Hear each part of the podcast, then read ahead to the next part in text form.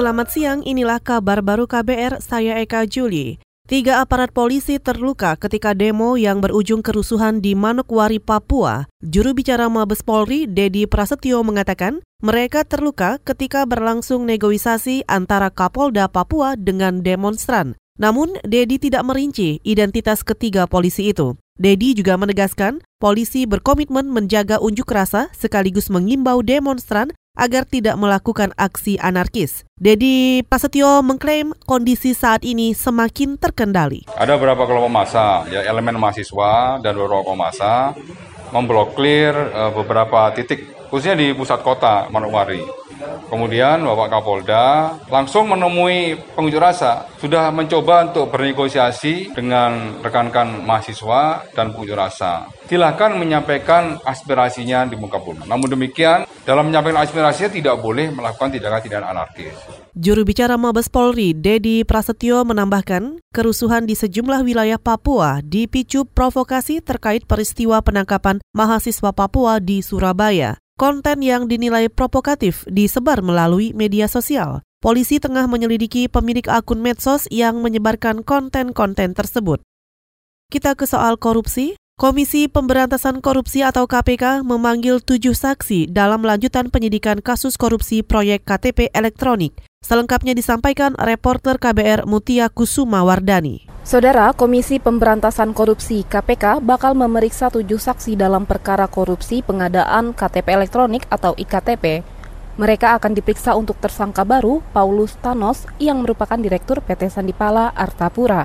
Tujuh saksi tersebut antara lain bekas pejabat Ditjen Dukcapil Kementerian Dalam Negeri Ekworo Budianto, adik bekas Mendagri Gamawan Fauzi, Asmin Aulia, dan sejumlah saksi dari unsur swasta. Saudara, Selasa pekan lalu, KPK mengumumkan empat tersangka baru kasus korupsi IKTP.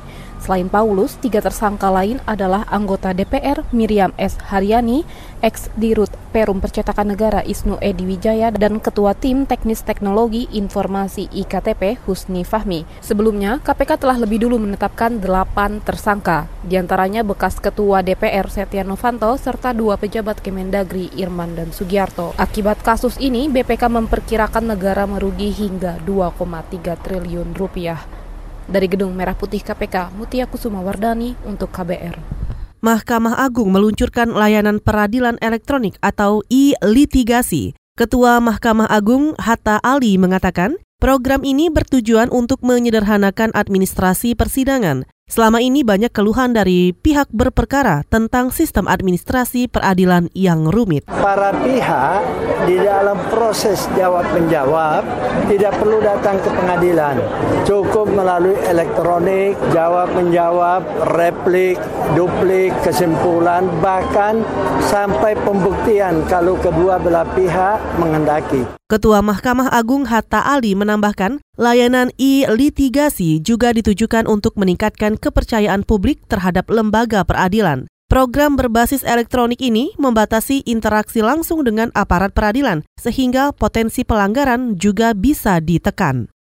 Kita ke Kalimantan Timur. Jaringan Advokasi Tambang Jatam Kalimantan Timur mengkritik pemerintah karena abai dengan persoalan PLTU batubara yang telah merenggut puluhan nyawa. Koordinator Jatam Kalimantan Timur, Pradharma Rupang mengatakan, sudah lebih dari 30 anak tewas akibat lubang galian tambang beracun. Menurutnya, Pemprov Kalimantan Timur tidak pernah menanggapi serius aduan warga. Pemprov justru memunculkan gagasan konyol dengan mengubah bekas lubang tambang sebagai danau wisata. Jadi kita sudah mencoba ke tingkat SDM provinsi tapi memang tidak ada tindakan bahkan di sana juga terjadi oligarki tambang seperti itu. Ya, jadi eh, di sana juga orang-orang dari pemerintahan juga ikut serta dalam bisnis pertambangan. Koordinator Jatam Kalimantan Timur, Pradharma Rupang juga menambahkan 75 persen tanah di Kalimantan Timur merupakan konsesi pertambangan. Hingga 2016, tak kurang dari 30 izin diterbitkan Pemkap Kutai Kartanegara. Aktivitas tambang menyebabkan banyak sungai tercemar dan lahan pertanian mati. Jatam berharap Presiden Joko Widodo memperhatikan masyarakat dan lingkungan di Kalimantan Timur.